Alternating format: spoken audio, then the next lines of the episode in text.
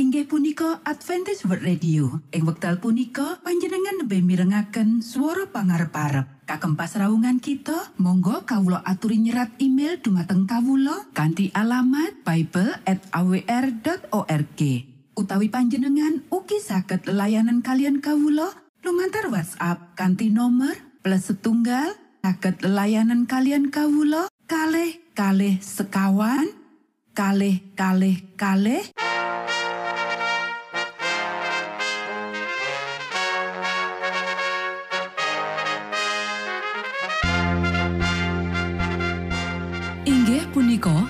Adventist World Radio ingkang giaran kanti basa Jawi. Tentrem Rahayu kula aturaken kagem para mitra kinasih ing pundi papan lan panggonan. Sugeng pepanggian malih kalian Adventist World Radio. Kanti bingahing manah Kulo badi sesarengan kalian poro mitra kinasi. Lumantar saperangan adicara ingkang sampun rinonci. Mligi kagem panjenengan sami. Mugi giaran punika saged migunani tuwin dados berkah kagem kita sedoyo. Sugeng midhangetaken Gusti amberkahi.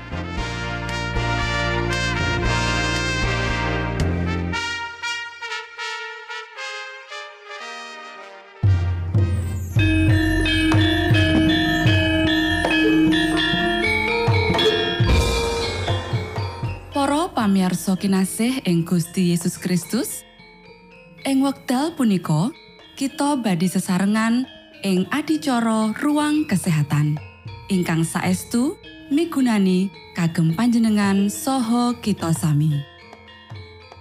Tips utawi pitedah ingkang dipun aturaken ing program punika tetales dawuhipun Gusti ingkang dipunnyatakaken ing kitab suci. Semanten ugi sakehing seratan ingkang dipun wangsitaken dening Gusti Allah.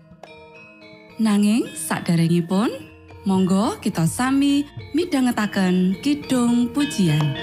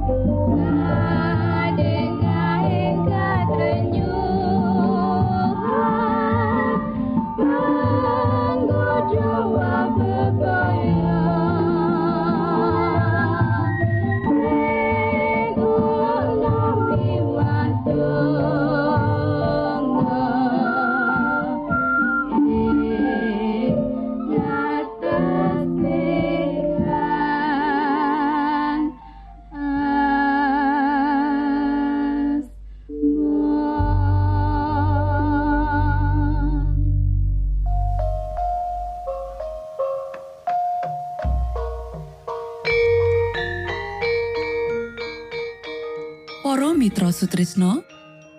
Puji syukur dumateng Gusti ingkang murbeng dumati ingkang sampun kepareng paring wewenngan kagem kita. Satemah saged nglajengaken ruang kesehatan. Pirembakan kita semangke kanthi irah-irahan. Sing nekakake kamurkan.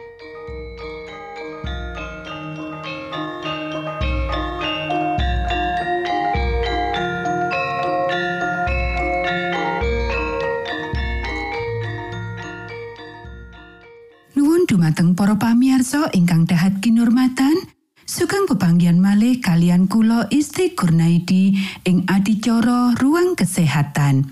Ing dinten punika ganti irah-irahan sing nekakake kamurkan.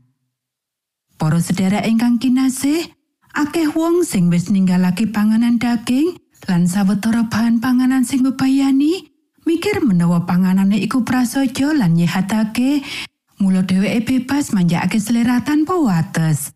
Dheweke mangan saakeh-akeh kadang kala nganti murka. Iki ya iku sawijining kesalahan. Alat pencernaan kutune ora dipoti kanthi cacah lan mutu panganan sing bakal ngepoti alat pencernaan. Adat pakulinan wis nemtokake menawa panganan sing dipapanake ing dhuwure meja kutune variasi. Amarga ora mangerteni jinis panganan opo sing bakal dilatihake sak banjure, mula wong mangan panganan sing akeh sanajan iku dudu panganan sing cocok kanggo dheweke. Menawa jinis panganan keri dhewe dilatihake, mula dheweke asring nyoba lewati wates, banjur mangan panganan cuci mulut sing menyenake iku sing katone cocok kanggo dheweke. Sekirane kabeh jinis panganan disajikake ing wiwitan, mula wong duwe wewengan kanggo milih sing paling apik kanggo awake. Kadangkala wong langsung rasakake akibat saka mangan panganan sing kakean. Mbok menawa ora ana rasa lara, nanging alat pencernaan kelangan tenaga vitale, banjur landesan kekuatan badan iku uga dikrokoti. Kakean mangan ngepoti alat pencernaan nganti timbul mriyang lan kahanan ora sehat. Cacah getih sing diperlokake ing sakjroning organ weteng nganti sikil lan tangan krasa adem kanthi sigra. Sawijining beban abot nempuh alat pencernaan lan sakwise alat iki nindakake tugase, mula badan krasa kesel lan letih. Akeh wong sing terus-terusan mangan kakean banjur nyebut iki dadi pemarem rasa luwe. Nanging iku disebabake dening kerja lembur alat pencernaan. Kadang kala otak krasa lempoh karo linggih mental lan fisik. Para sederek, tondo-tondo sing ora nyenengake iki dirasakake amarga alam wis nglaksanakake tugase kanthi buang tenaga vital nganti wonge babar pisan kentekan tenaga. Wetenge jerit, "Wene ono aku cukup wektu kanggo ngaso." Nanging kanggo pirang-pirang wong, rasa letih iku dianggep sawijining tuntutan kanggo mangan luwih akeh maneh. Dadi gantine menehi weteng wektu kanggo ngaso, beban anyar dipapanake sak dhuwure. Sing dadi akibate, alat pencernaan kentekan tenaga sing kutune dheweke sanggup nindakake pakarian sing becik. Para sedherek ingkang kinasih, dadi sawijining umat kanthi kabeh pangerten kita ngenani reformasi kesehatan, kita asring kakean mangan. Pemanjaan selera iku penyebab utama keringkian fisik lan mental, lan bab iki nyelehake saperangan gede dasar kelesuan sing nyatane ana ing endi-endi. Akeh wong sing nampa reformasi kesehatan ninggalake kabeh samu barang sing rusak. Nanging, opo amarga dheweke wis ninggalake perkara-perkara iki nganti dheweke bisa mangan saakeh-akeh opo sing dikarepake? Dheweke ngadepi meja nedha tanpa mikir piro akeh panganan sing dheweke kudu mangan. Dheweke pasrah marang selera nganti dheweke mangan kakean. Banjur weteng meksa diri kudu nglakokake iku sinambi ngresula amarga beban sing dilebokake menyang jero weteng saben dina. Kabeh panganan sing dilebokake menyang jerone weteng dadi beban alam lan weteng ora bisa ngolah kauntungan saka iku. Panganan sing kakean iku ngrendeti puterane mesin badan. Alat pencernaan keganggu lan ora bisa nglakokake tugase kanthi becik. Alat-alat badan sing penting diboti dening samubarang sing ora perlu. Kuasa saraf otak dikerahake menyang bagian weteng kanggo nulungi alat pencernaan nglaksanakake tugase, yaiku buang sakwilangan panganan sing kutune ora diperlokake. Matur nuwun, Gusti amerkahi.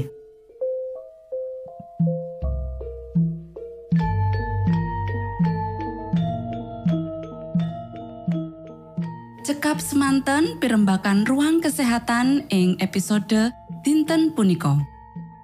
Ugi sampun kuatos jalaran kita badhe pinanggih malih ing episode sak lajengipun.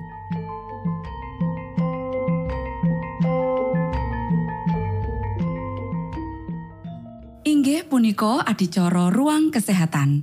Menawi panjenengan gadah pitakenan utawi ngersakaken katrangan ingkang langkung, Monggo Kulo aturi Kinton email dateng alamat ejcawr@ gmail.com utawi lumantar WhatsApp kanti nomor 025 pitu 00 songo songo papat 00 pitu Monggo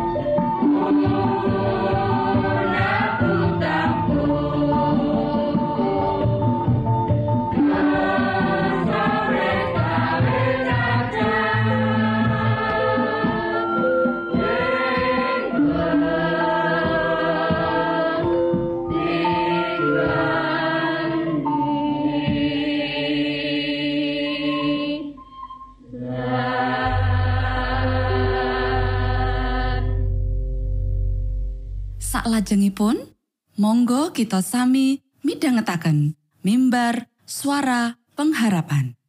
Angkat nafiri kanti pawarto Sang Kristus paderamu.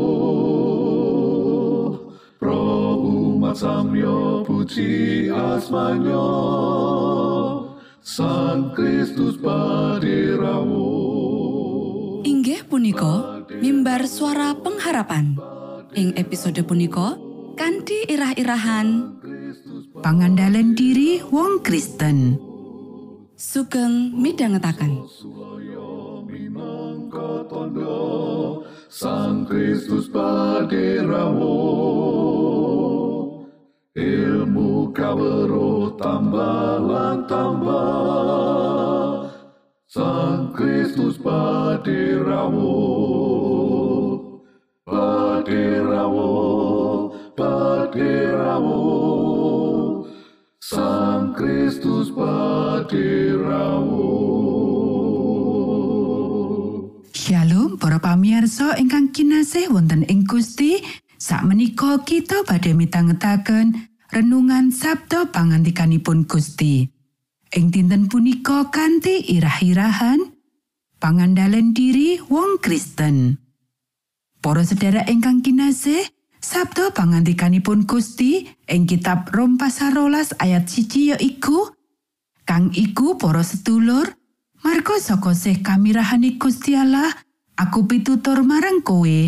Padha nyaosno badanmu minangka korban kang urip lan suci.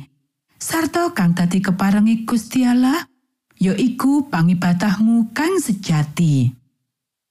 Para sederek, kita urip ing jaman sing narat pangendalen diri.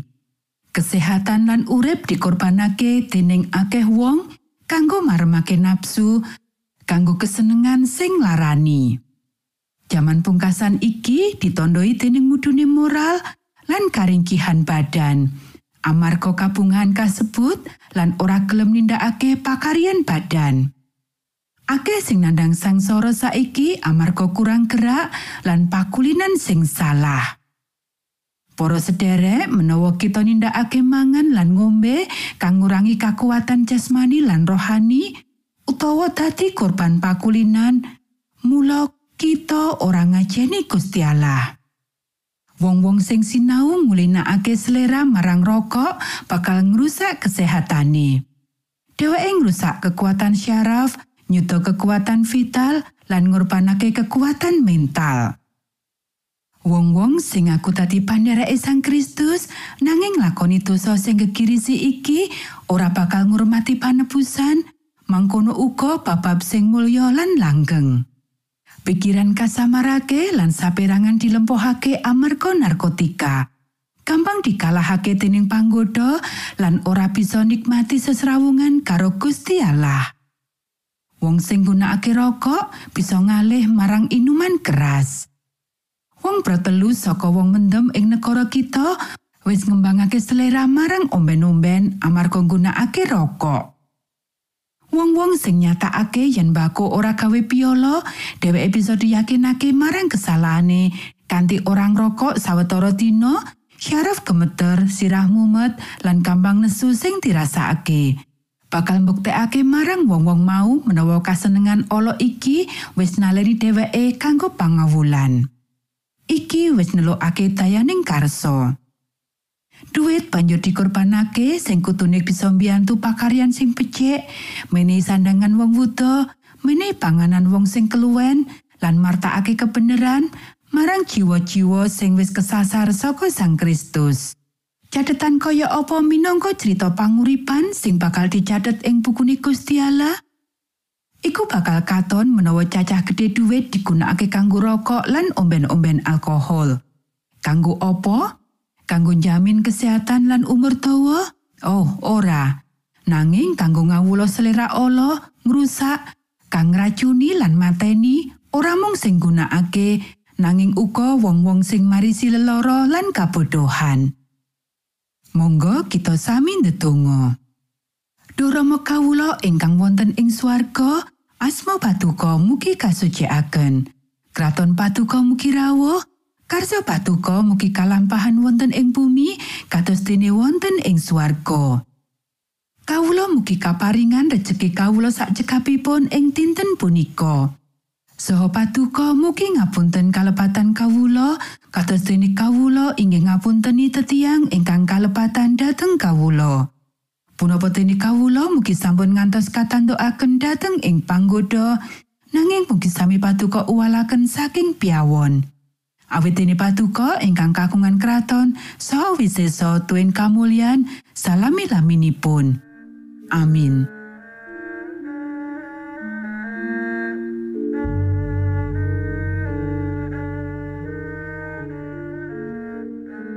Para Mitra Sutrisno pamiarsa kinasih ing Gusti Yesus Kristus sampun paripurno pasamuan kita ing dinten punika menawi panjenengan gadah pitakenan utawi ngersakaken seri pelajaran Alkitab suara nubuatan Monggo Kulo aturi kintun email dateng alamat ejcawr gmail.com utawi lumantar WhatsApp kanti nomor 025 pitu 00 songo songo papat 00 pitu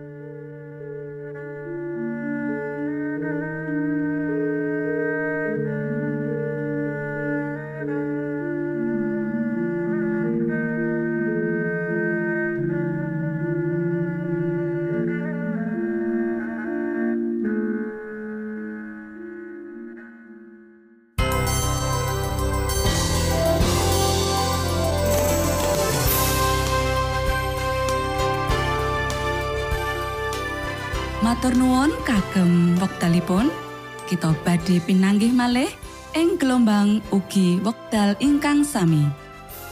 Saking studio kula ngaturaken tentrem rahayu. Gusti amberkahi kita sedaya. Maranata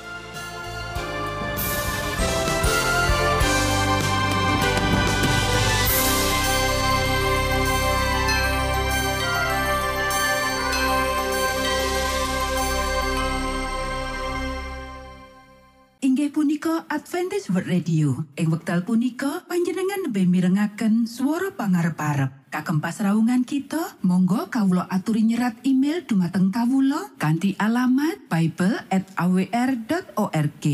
Utawi panjenengan ugi saged layanan kalian kawula lumantar WhatsApp kanthi nomor plus setunggal saged layanan kalian kawula kalih kalih sekawan kalih kalih kalih